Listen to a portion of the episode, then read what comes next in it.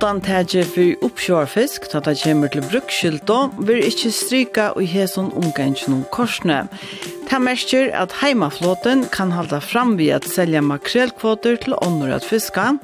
Dennis Holm, landstorsmær i fiskvinnemalen, vil ikke anledge løgneskip noen at fiska makrelen som de får sjølve, for en særskattaloven fra 2020 er brøtt. Og hva kan en fyrtøkka gjøre for å bedre om arbeidsomkurven når nu kanning tja starsfyllan noen viser at femte kvør hever kjent seg happa igjen. Da vil gjøre vi i brettan noen ut dag. Velkommen til sendingsna.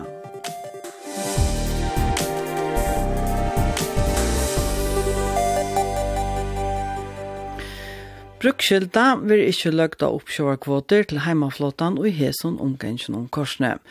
Ta mestjer at heimaflåten kan halda fram ved å selja makrelkvoter til åndra fiska, som det var gjort siden Jakob Vestergaard, gjør de av at djeva øtlån løyvis heva rundt til løyno og gadnaskip makrel som egen kvoter ut 2019, for å stola heimaflåten ta han var landsårsmær i fiskvinnomalen.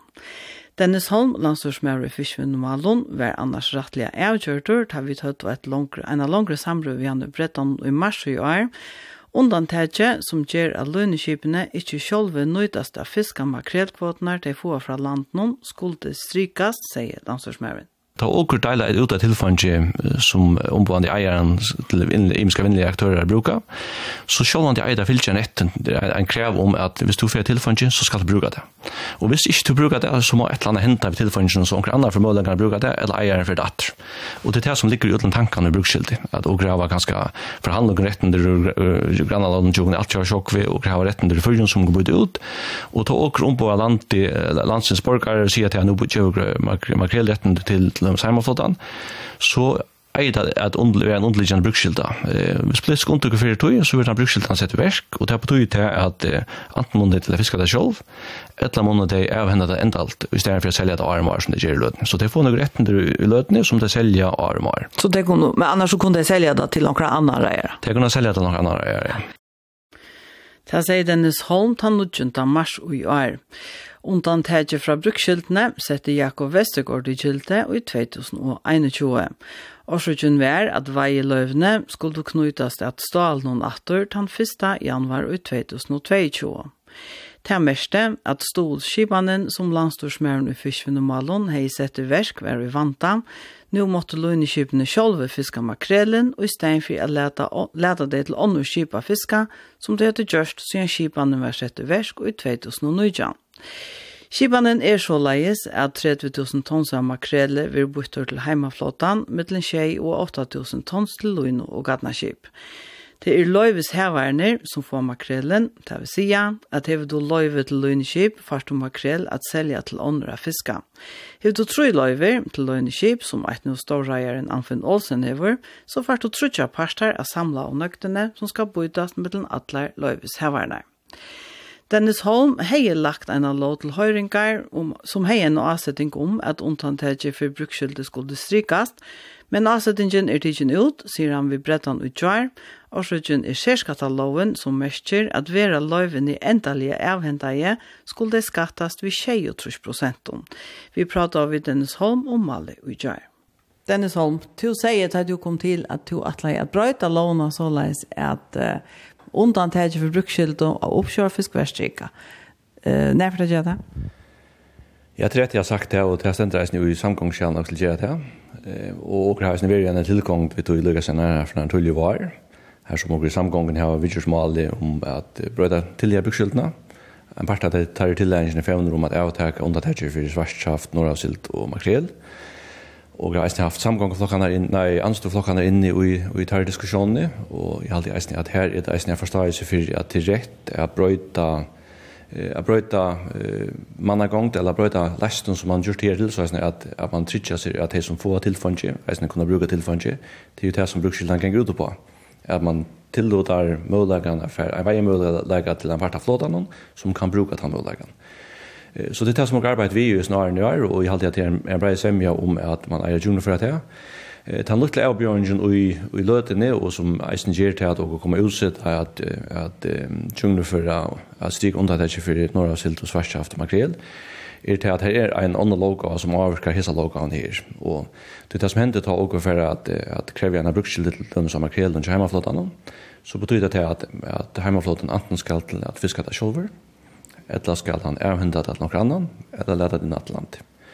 Og uh, så er det som loven er løtene, vi ser syrskattelovene som er en skatteloga som er knyttet av avhending av veiløven, det var i retten dønn, så betyr det at hvis heimatlåten for avhenda sine veiretten enda låt til lømsett oppkjøreskip, så kommer det å betale skatter av det, og til skattenivået i 21 Og det er det som er, er diskusjonen akkurat løten i samgången, at, at man har gjort energipan som også skulle være stol til uh, til heimaflådan, og i form av makrel, som i seg sjål og nere sinter mest, eh, så held man det skarft at man skal færre brandskatt at han stod. Men har man ikke gjørst her skattalån at man har hoksa at hvis du skal avhenta kvoter som du finner fra land noen, så skal det skattast?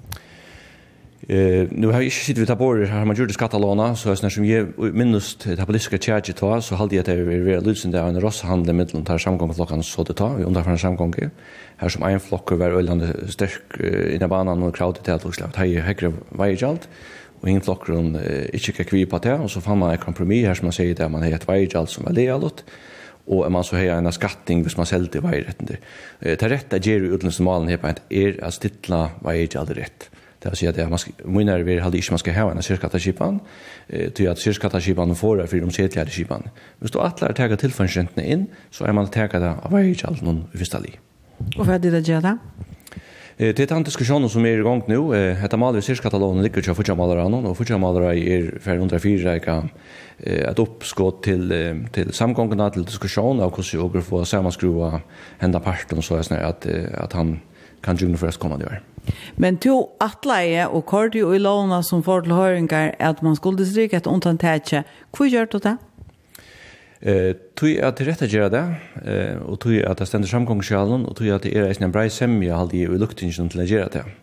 Alltså jag håller att att de aller flesta luktingen er sant om det att det skarft att ge et ett til till en part av flottan som inte kan fiska det tillfånge.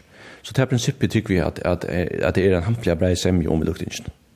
Men er det til at man stolar heimaflåtan på andra måten vi makrell, var det til at du vil det vekk fra? Nei, nei i verleggende heter han heter ikke om stol. Det handler mer om til at, at, at åker omboende fyrir folk skulle omsida det tilfannet som fyrir folk eier. At åker så tar også djeva til retten ut, så djeva det ikke alle mening at åker fyrir djeva folk eller fyrtøkken eh, retten som de faktisk ikke kan bruka. Mm Så det här geva en lynskip är rätt till att fiska makrel. Det geva själva mening utan att lynskip lägger om till att fiska makrel. Men man hur görs det för att stål? Det är väl en stål. Ja, jeg, jeg vil kjenne at eh, tar man gjør det til de politiske skipene for Norge Sjøene, så vet jeg også som en stol til hjemmeflåten. Eh, men det at man innfører en brukskilde, det betyr ikke at man tar stolen vekk. Det betyr bare til at i stedet for man gjør, gjør en ordentlig stol av makrele til hjemmeflåten, så gjør man en stol som det er nøyest at, at, at innkassere uh, er fremtiden videre virja og i egen. Det er å si at det er nøyest å selge det. Så stolen, det er ikke så at, at man ikke skal stole hjemmeflåten, man skal bare kjøte vid kvoten hver dag. Nei, altså hvis jeg fra min stål, så handler det ikke om stolsparten, det handler om det at man skal bruke til retten man fer, eh, og sånn det som brukskildan gjør er det at eh, i stedet for man for at fortsetter vi at det stod makrelstol til en part av flåtan som ikke kan fiske makrel orljane, så betyr det at brukskildan vi sett i verk for eisene for oppsjøret, eh, uppkör fiskarslöjne at uh, i stedet for at du kan få en en markedstol, hvis du velger å kalle det til årligene, så først du en makrelkvote som du er, er nødt til at är nöjd till att hanta sälja ändaliga enda lille, så er det at man faktisk faktiskt ur en støy her som man leter, for å lete veiretten til en part av flåtene som ikke kan bruke det. Og Hvis det tid nu brøyta lån så er at det skattas linar, kommer det så ikke bare minne i landskassan, gjør det ikke bare at prusrun vil til lagre, eller hakre? Ja, en brøyding som langt er hent i samband vi eh, makrelen til heimatlåten er jo til at jeg betaler tilføynskjent alt, eller at jeg betaler vei ikke alltid. Men, men hvis du kan svare på det, hvis dit brøyta til at dette ikke skal skattas så hardt, gjør det ikke bare til at det er ikke minne i landskassan og at prøyseren vil til hakre? Det er jeg ikke sikker på. Altså, det, som, det som nok ikke alt er til, vi til at du lagt vei ikke alt av makrelen eisen til heimatlåten, så betyr det at, at vi er sølevir av makrelen er lekka. Det nu är att varje allt ligger varje allt och att du parten av makrelen det gjorde det sjön. Ehm ser ska det skipa ger ju till att att att alltså hur så som skulle samman där vi en shaders shaders procent i ser skatt det ger ju till att man fraväl att sälja typ man helt skatta procent i frukt. Men går sig alla det sälja då hur snäck cheaper skulle vara. Det är en helt annan diskussion. Den diskussion som vi har kvar än kan det hon handlar om att undantag för svartskaft, silt och makrel, här som makrelen är er kanskje høyest tema i, hvordan får man tilgjøre sirskattaskipene, så er man för så att man för hemmaflåtan att att det händer så inne i markel efter ända det. Men går så vid att det långt nu var president Lackar visst inte vidare går till bjödet. Ja, och grislish kom till han partnern som det är det så här var här var så här var det är ruiner som här var kvoter under för den där som har en kvoter det är ju rätt lävande det. Orlian är ett enda lott og det gjør det jo under de skipene som er for er i det, til å si at det er selv styrer det, ja. Så her er noen skipene det som styrer det. Men hette kvoter som Øljanek vil ha hente da. Kan ikke bare si at vi tar en lov som sier landet for å få oss en rymlig part av oss ned, så må det selge det. Ja, ja, det er her problemet hadde er i samband med særskattalån, ja. Altså til at utlandet diskusjonen om at landet skal ha så rymlig part, hun handler først og fremst om at man eier å ta en rymlig part av veier, og inn om vi säger varje veier alt. Eh och det som är galdande för för makrelen till hemmaflottan löd är man tar varje galt och här fram till man så tar en särskatt i samband med en en endalig avhämtning under verande skipan. Och det här det här diskussionen. Har du några homing av kvärt det virene som vi har sålt nu privat som landet har lärt kvärt det värst? Nei, det har vi som så ikke, altså, man kan jo råkne ut några grunda kader og ta som 30 000 tons makrel i halvtid som alle her kvotene de i år i i fjärde hemma flott annan och Årlige. Orlia og, og vi har en makrelpris som er 5-6 kroner, så det er nok skott å råkne ut at det er öla stor virer, vil jeg kan. Just henda reglan om eget hur skatt var sett inn av undanfarnes hamgångo til man ville løyva privaton at endalige avhenta kvoter. Særskattaloven skulle jo avsette en eget skatt av kjeip og sølo av veirettende noen. Og i avliten fra samgångene i futjarnevne står med landa at omframt vanliga skatten skal en særskattor på 30 prosent tekast av sølvinningsnån, ta et felaseller og 35 prosent ta en personerseller. Ta et felaseller skal da eisen sleppa dreie en opphatt fra i skatte som sverar til 18 prosent av nettovinningsnån fra sølene. Høgne Høydal formar i kjøvelde vært ta imot i oppskottene, særlig hetta at man ville løyva at endelig avhenta kvoter som man nedfinner fra landen. Han tjekkes vi tavverande formannen i Folkaflosjonen, Christian Andreasen, om hetta at han 22. juni i 2020. Enda måler vi oppskottene vær at landet for en rymlig anpars ta vi vil avhenta i endelig, sier Christian Andreasen med landa. Det som ligger ut i er at vi innskjer til at landskassen fær sin lot har jo i veiretten til å være Og det er så et, en politisk semje om det er, og det er så blir til en særskatt på 30 prosent, og som sammanlagt, hvis alt vi lagt sammen, gjør en, en, en 60 prosent i skatt til en, en vikmående person for pengene i sunndomma, og det er en, en høveskatter. Formaren i kjølte vil, vil de altså ikke høre tale om at det behøver skal være løft at avhenda fiskeløver endelig. Nei, jeg vet ikke hvordan jeg skal lette meg årene. Det er nek sagt, bare til, jeg så gjerne nødt til brøydingen i sjåføringslovene kom fram, Men jeg må si akkurat mer at jeg, at jeg får et show om natten og sikkert tusen ganger fyrt. Altså man lagt disse oppskottene fram midt under koronatøyene, sammen med hjelpepakken, og alle nå er fremme at han nasta sti og endelige sti og i, og i førskan fiskvinnpolitikket. Og dette skatteoppskottet, det er bare et røyktam. Det er røyktam for hinna brøydingen i loven minna fiske. Det kommer til hinna brøydingen. Ja, men det er sånn tøtning, til at, til at alle høyrensparter som er over inne, eisne omboende reier granskår tax, sier at det er fyrir ikke at djeva nega. Så hette er bare at, kan man si, at, at skolka sjål fyrir jeg fremje hinna brøydikina som jo er den helt grunnadjandi, og det er hon som sier at nu kanst du kjeipa og selja öll fiske og veier at det endalige, vi kommer til privat. Vi, vi kommer til det. er skatt oppskåde bare røyktam og hever, hever ikke vir.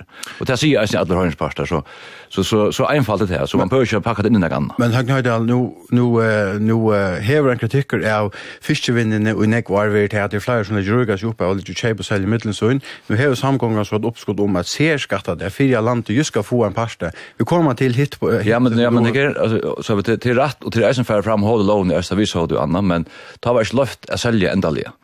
Det har vært løft nå. Det er det som løft ikke aktivt gjerne. Så nå er det løft å si det bare til føringer og til utlandske fyrtøkene. Det har forresten ikke skattet her. Det her er skrasset der i Norge og Islande. Det har vært sagt fra løkt, nå skal du kunne kjøpe og selge folksens åk. Det er som okkar forferdre av barsfri har finnet. Det har vært nå sett kjøpte med kanskje fyra, fem reier. og Hvor ser du skattet det, når du har slapp?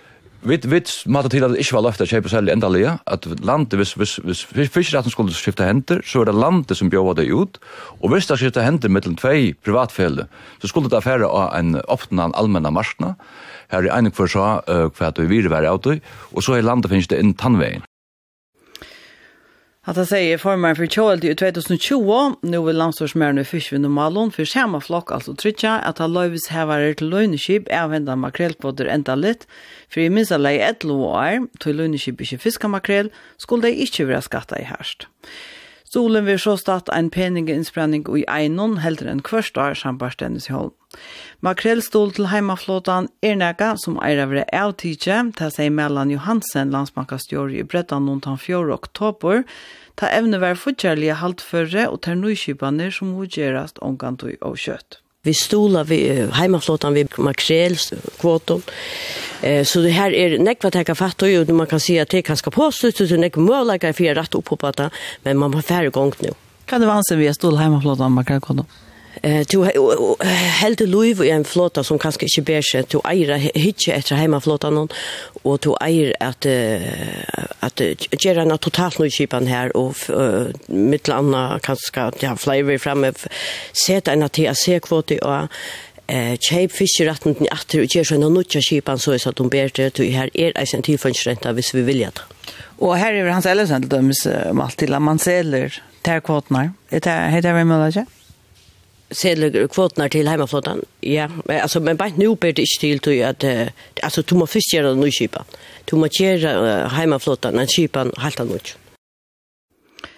Det säger Mellan Johansen, landsbankastjore, 4 oktober.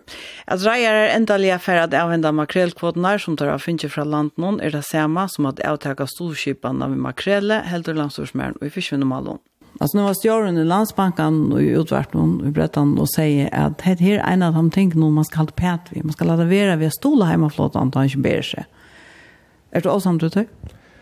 Nej, det är faktiskt inte. Uh, alltså jag hade att uh, att han politiska skipan har alltid lärt den här stolen till hemmaflottan så var det en onkersvängna och en rund kanske att få hemmaflottan till att um, till att kanske bli ändna och tack för det var kanske en tur att tog men at det var store skipene inne i, i fiskevinden och jag langt, langt avramalt, det, det hade ikke rett. Men bär budskapet, alltså nu säger, nevnte jeg landsbankan Stjoran, er budskapet från Gara Weisen sagt at nu skiparna ska till så er att heimaflåten vil innrette så är eller omskipare så är han ber seg.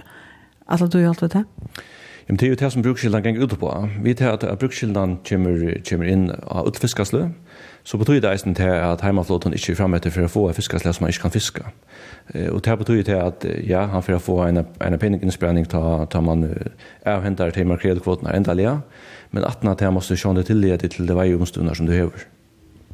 Men uh, en øyla stor pastor avs nere løyven med spennige innsprenningen fer jo til ter oppsjåer reierne som er forven eier i 40 prosent av løyven om til og innflåten. Her var det bruk for en erpeninger innsprenning.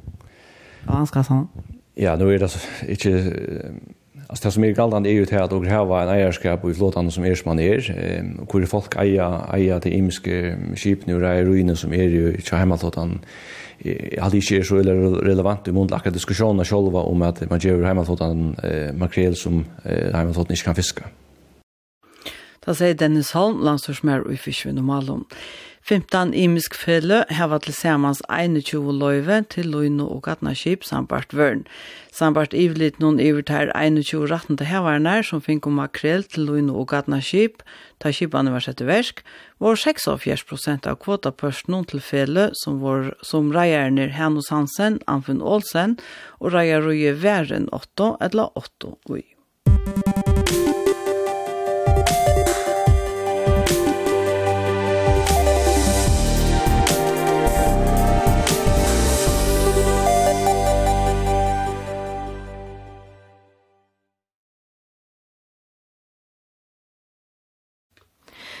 Kanning om happing og arbeidsplassen er heiti av kanning som Gallup førjar hever gjørst for starvsfellet.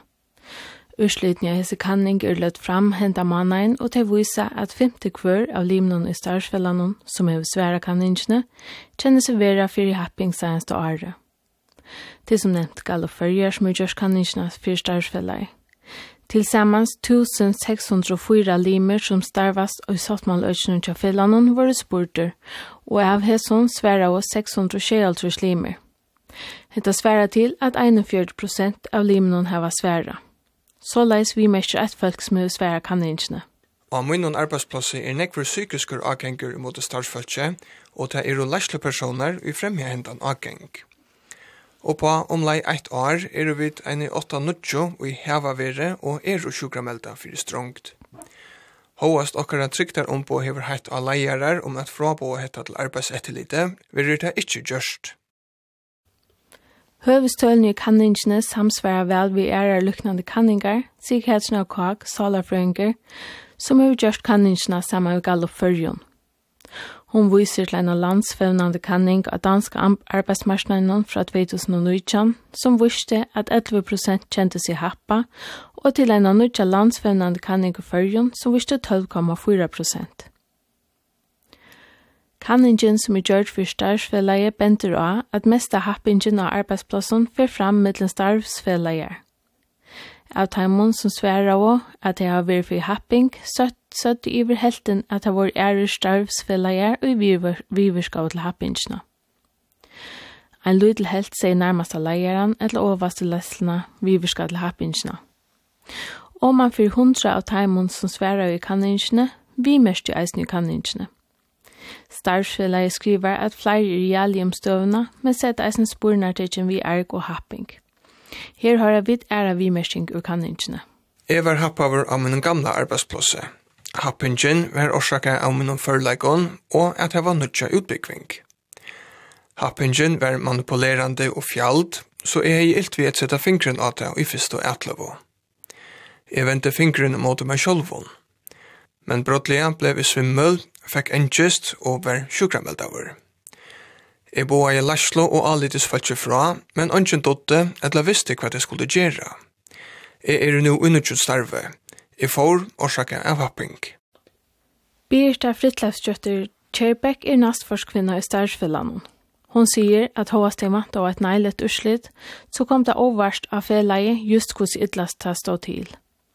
Spurt hva de får under hese kaninskene er svære at de høyde en homing av støvene, men vil du vite av reien tølen hvordan støvene var. Vi har inn i fel annan av folk har hatt tro på att känna seg happa ja. Vi får ju att vända spårningar om om kvart er happing eller inte så det är bare det att kunna uh, kunna folk om kvart er happing och inte men særlig vill jag gärna veta hur ser det ut då til satt man lösen och man som vi er av. Och vad väntar du att få på sjukannisne? Ja men vi väntar jag få vi väntar ju att få tøl. Vi väntar få rejtöl men uh, vi vantar inte att få så stor töl som vi då finns. Um, det är faktiskt rättliga källkande. Uh, och vi är ju blivit en uh, rättliga klöcka av det, men vi må bara hitta efter som att här är några som vi är allvarliga mot och oss vi. Nu ser du att det är fler som har vänt sig till kun Aron, men hört det några homing av hur det står till? Uh, nej, alltså vi hade inte homing av hvordan ytla det stod till. Vi, vi har ofta tendenser til att det som sammanbär och vill långt ära stedet och sånt. Och vi så tølene för exempel i Danmark, det blev lacka. Här lakka lackande så igen man sett fokus och att det. Så jeg kunde gott förställa mig att man kanske höjer en 12 prosent, Men vi der ju uppe 20 prosent og det är alltid er, ja, det är um, kälkande faktiskt. Det blir alla hörm om att alumner tjockon har det så tropelt. Hva var det som säljer ska en brosjur? Ja, i halvt är procent hur ska det happa i. Det halvt är ska en nog snäck brosjur. Och till månader och eisne imse sattna lösningen tjockon. Så här vi nok eisen for inn og ut. Vi da var fortsatt med alle kommunale arbetsköpare. Ja. Og før jeg arbetsköpare. Så her må vi eisen kjøre til hytja etter noen. At det er en måneder, en minne måneder, men han är där. Sommarstaden er han ganska nok større. Men uh, ja, her var vi uh, her var vi i Tyskland och till affär inn og, og hytte etter eller vit jag satt med alle parten inte vet jag inte för inn og hytte etter så og stående og annet. Nå var det smølt att de som svärar og skrev vi-märskingar. Kvärt ska en selge på sjur og hva och kvärt var djökngängan i vi-märskingarna. Vi är otroligt glada för vi-märskingarna. Og mer av tog jo bedre. Vi får en breia vifte av foreleggene til åkken av esene, eller rønter, og vi tar oss over. Så lærer vi bedre om hvordan vi skulle tak takle det, og hva det rør seg rundt det. Men uh, et av du er um, uh, alit, at ikke hava alit å ha, eh uh, entel sånne närmaste eller sånne lærsle, till at bo fra eller uh, ja, det var vet inte uh, tryktar bölkon, eller tryktar om på hon, att inte kunna bo fra här. Så, så det här synd det här vi att ha alit och att bo och göra och att också vara just vitta till att ta gänger är sin rätter att man inte orla allt och att det är just också vi och ta det blir bo fra så de känner att av alla. Kom hes i Øsliden ni overst at det kan, altså det som jeg gatt vi med kjøkken? Mm, ja og nei. Altså vi tar jo det så vi med skinkene, og vi tar Ehm så på tamatan vi visste det var och korsa men det här vi alltid där. Att man inte har alltid där till halvtid är. Ta aldrig eblar alla klocka av. Att det är något det ringaste hvis du inte har aldrig där släppa av tunna tunna frustrationer eller hvis du inte heter eller happar eller ett annat. Så ta var ta alltid är är ja ser harmlöst. Nu er det ikke öll, all linjer som har svära till att sender til 41 prosent som har svära. Er det kan inte omboende? Ja, kan ikke her er uh, valid. Uh, vi har vent til spørningen ikke noen eisen så hade vi uh, gallop og til er uh, helt vis hun er valid og hun omboer uh, øke til åkken. Kjalt om man kan se 41 faktisk ordentlig godt. Det er en frivillig kanning og och inte tvungen Så jo, det er hun. Og, og spørningene og alt er sambærlig vi kanninger som er i Georgia i utlandet. Det er altså vi kunne bedre og vi imskar kanninger som har vært i utlandet. Nu har det vært ute på Instagram, det er just as a kanningna, og er det mest at det er flere som venter seg til tikkum vi tar søvn og tar opplevingen? Ja. Ja, alltså det är er flera som uh, ja, syns dottlet. Det är er onker som inte vill säga kandidaterna som har ringt och spurt till vad är detta happing som är utfyra. Men jo, det vänder sig till och och, och det spyr jag för er utfyra sån, är detta happing och hur ska tackla detta? Og um, ta kan ikke komme ut, nå kan det ta døme fra omkostående ja, at ta får bant inn i trygtabølsen sammen med det, som så skal arbeide og gjøre vitt, og ta trykker jeg eisen i er, er uh, galdende for nekvære stand. Det er nekve stående som har ringt av startfellet, nemlig å få kan ikke. Um, og etter at vi kom ut og, og greier fra ursliten og sånt. til at de har eisen en AH og at er bedre om arbeidsvidskiften til sånne starfolkene. Hva er det starfellene å gjøre for å hjelpe livet noen kjøttene, og som er ut for happing?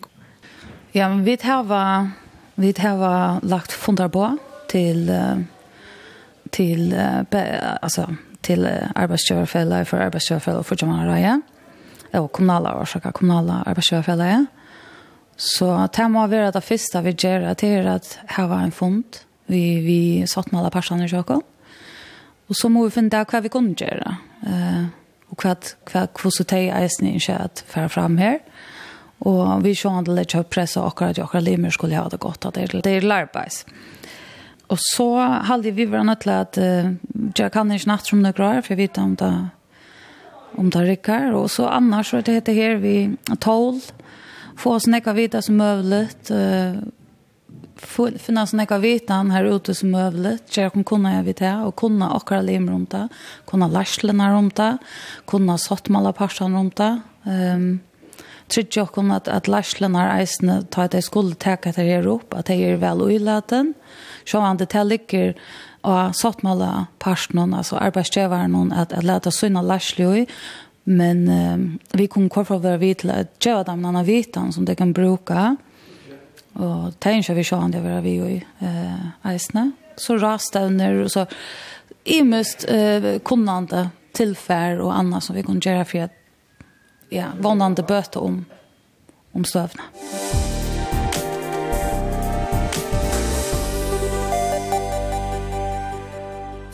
Og i utverstående nå er kommet Siri Tørker. Velkommen. Takk for det. Du har arbeidt som leislekonsulenter og har vært i samband hjelp for det kan være bedre om arbeidsomkurve. Du har tusket vite om just dette øyne, altså arbeidsomkurve, og hvordan det blir til å bedre om dette. Ja. Jeg blir vi, hva en tydning har vi gått arbeidsomkurve? Ja. Ja, fyrst og syfte så er det området, det er hitje etter bæge til bæge fysiske og ta psykosociale arbeidsomkurve som skal være godt, og ta til et her så trygge det trivna og produktivitet, og til særlig at vi at folk føler seg tryggan og i arbeidet. Lukka som Birte inn, ja, snakker i beint. Johanne, sier at, at folk føler seg ikke, altså de føler seg otryggan men hvis du føler tryggene så er eh, produktiviteten eh, til arbeid hakre, og du trivna vil reisen bedre, altså du trives bedre, vi tog som du gjerst, og vi tar de folkene som blir sammen vi. Psykosocialt, altså Ja, det tror jeg at uh, hvis man hikker etter uh, kanningsene som starfella hever ute, så uh, har det fætre av nøkrona og tar psykosociale uh, parametrene som er det. Man snakker om happingsjående och tar helt utanför utenfor det. Og så hikker det eisen etter om uh, lærslig kunningen, hvordan hun er, og om folk er uh, tilvidere om hva skal hente i, i nærmeste fremtid. Men at se at så da man snakker om det psykosociale, så snakker det om, altså, kjenslar til folk og til å føle seg, hvordan man føler seg til steder i arbeidet. Til dømes eh, det har vi at hvordan store avvarskan man hever av i arbeidet, hvordan det vil gjøres og når det skal gjøres. Det er til dømes eisen en part av det psykosociale, og det kan eisen være så som motsatt eh, fotl arbeidskrøv, altså det kan være at hvis mine virer, eller virer generelt i samfunnet, er jo et eller annet, men for at sikkert effektiviteten av arbeidsplassen så er så nøyde til å gjøre det på på en annan måte, så har du motsatt rett han til krøv, og det kan eisne avvirke den psykosociale trivnei. Hvordan er det du avvirker deg i arbeids er godt? Jeg vil si at først og fremst er det sånn det tar enkelte starvsfølelse som eh, herder områdene ta i arbeidsomkvarvi er godt, så er det behagligt för jag kallar det till affär till arbets. Du trivs vi till arbets, du följde tryggan, vi tunna särfällar och så gör. Men det avvirkar eisen arbetsplåse och sån är helt och tar vi så hittar efter bara nu att det särfällar som är ett här ute så är det det er det allmenne og det kommunale arbeidsplassene, så det er akkurat folk som arbeider ved de allmenne fyrsidningene og de kommunale arbeidsplassene, så det er jo faktisk nok så stor avvarskan av åkken som er brukere eller vidskiftet folk av som tjenest noen. Så tar det godt arbeidsomkurve, så er folk, um, man har større iveskott som starsfolk, du har større iveskott til at uh, være høf, høflig, fyrkommende og at være hjelpsamer, det har du iveskott til. Hvis du, er, uh, hvis du føler deg åtsikken, hvis arbeidsomkurve kör vi vana vanligt, så har du min EU-skott. Bæget til arbeids, men eisne um, og i tunn privata. Så tog er det områdene jeg har et godt arbeidsomkvarv. Og tog arbeidsomkvarv er vanligt eller ringt? Hvordan avvirker det? Ja, det avvirker, altså jeg vil si at det avvirker på den måten at um, Jeg för det första så blir uh, stämningen till arbeidskamp da Det kan føles uh, obehagligt Det var en som nevnte at han började få ilt i och og blå svimmel till ett enkelt individnivå, Alltså är som människa får det obehagligt. men bølgeren kan nästan få obehagligt. Det vill säga jeg og min starffeller vid felaks har ringt vi har prata samman eller att det blir tungt eller åtrygt att prata samman. Och allt dette sista enda avskar ju han som er brukar i Elhamtjanasen vi sitter og gjør.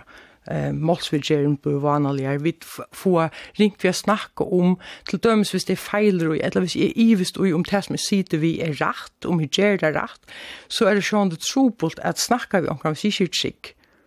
Så det avskar eh, ikke negativt, ta i, ta i arbeidsomkvar vi vanlig. Kan det være fortjellige avskar, av, fortjellige avlæringar til til folk vil happa. Ja, helt klart. Ehm um, ta kan ta sast aftur på imska matar, men i haldi at han maten som man nemmas kan beinleis matar på te er vi sugar flower. Du ta folk hava det ringt og tabla eisen nemt og Janne han enda vi blev sjukameld av han som hei skriva til uh, han vi märkning som var uh, og, og skiftestarv det kostar rævlig nekv at uh, få nødt folk inn og trena deg opp, og hvis det så færa fra tullja, altså åren til i fotlom produktivitet, så det faktisk stort for arbeidsplass.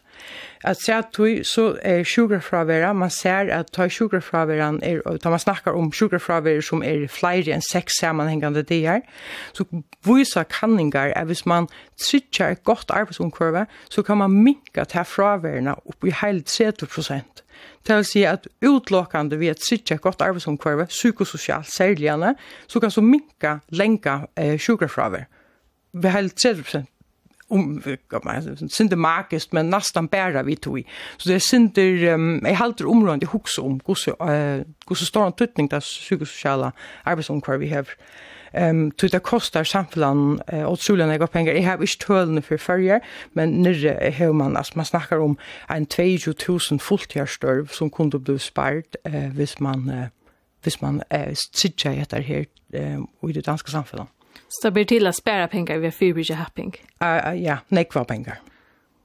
Hur kan man uh, sätta in? Alltså Jeg halte att uh, hvis man hickar efter det första är området til er att anerkjenne att det är det. Man må vi känna att ta i fall til en och säga att jeg føler mig åtryckan eller följer mig igjen, så må Larsland teke då i foten allvar till det allra mest området. Ehm um, och så är är området jeg sätter in.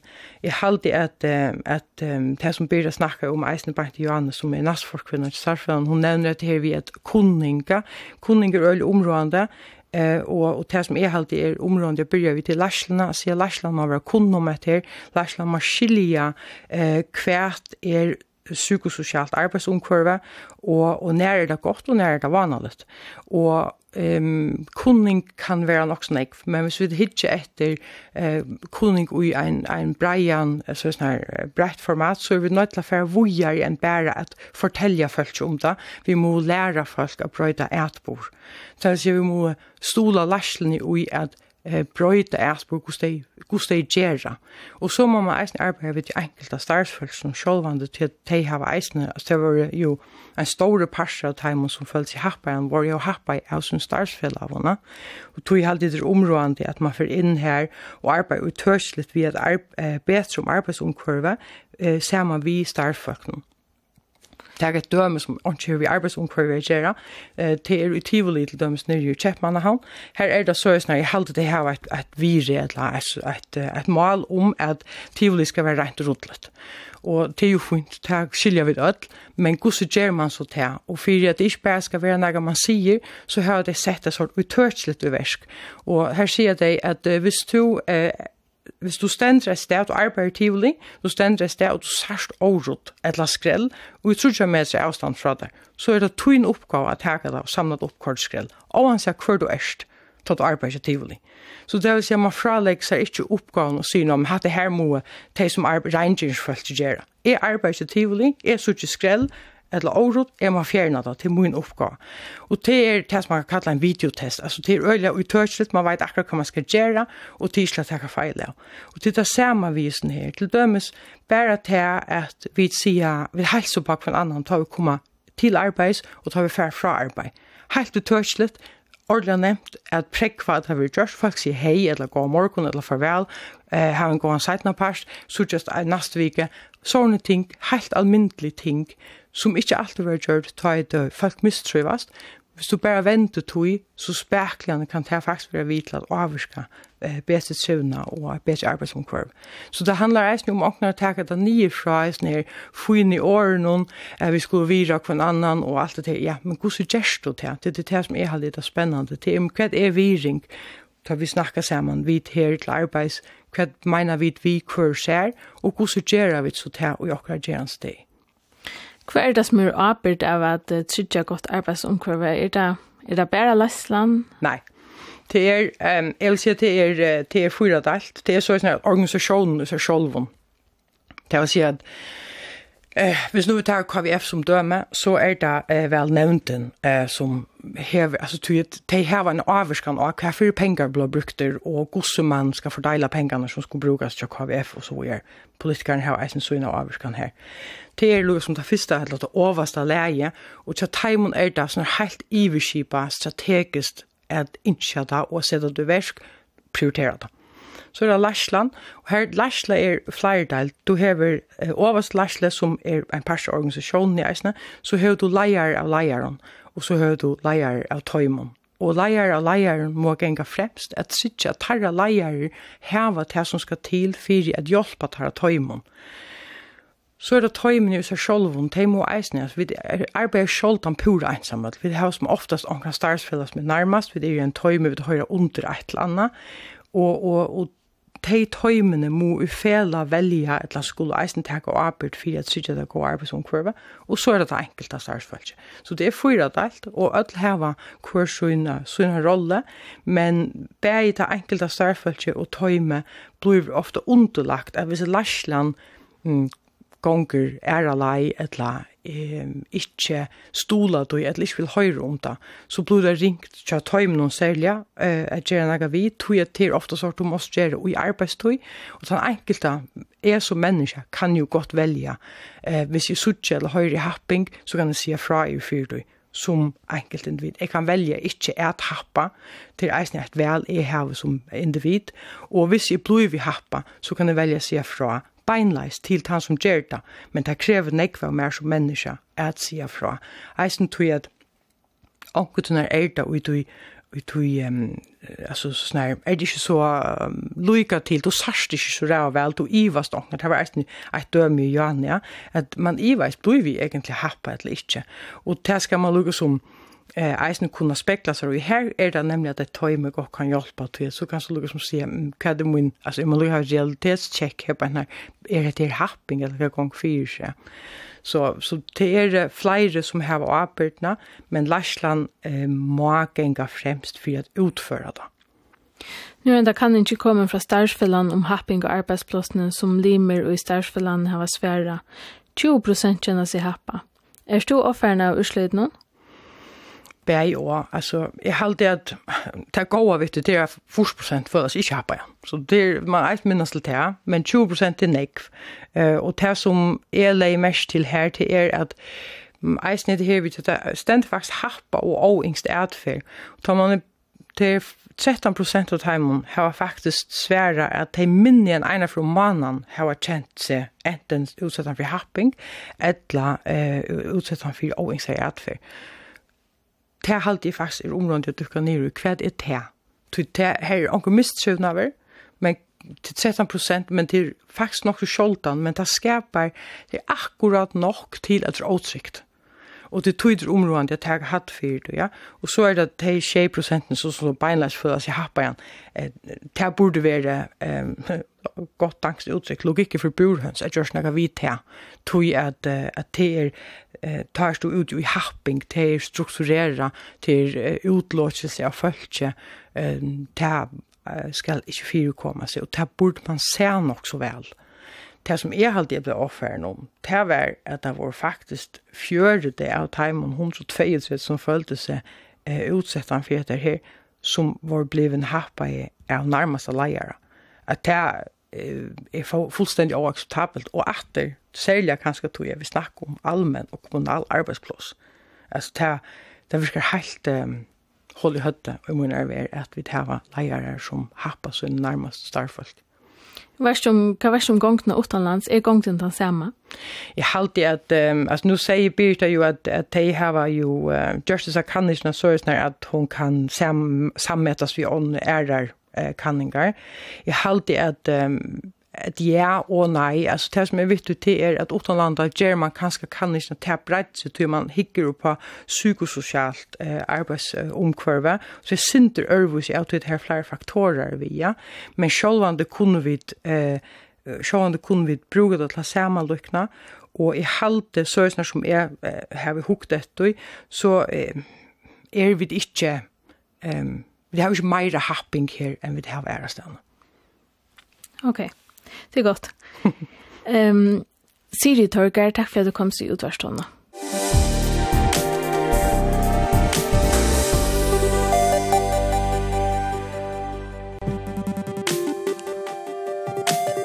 Hetta var tævi vi brettan jeg brett i dag, og menn han løter vi kjent ingen tøk som podvarp og heimasy okkara.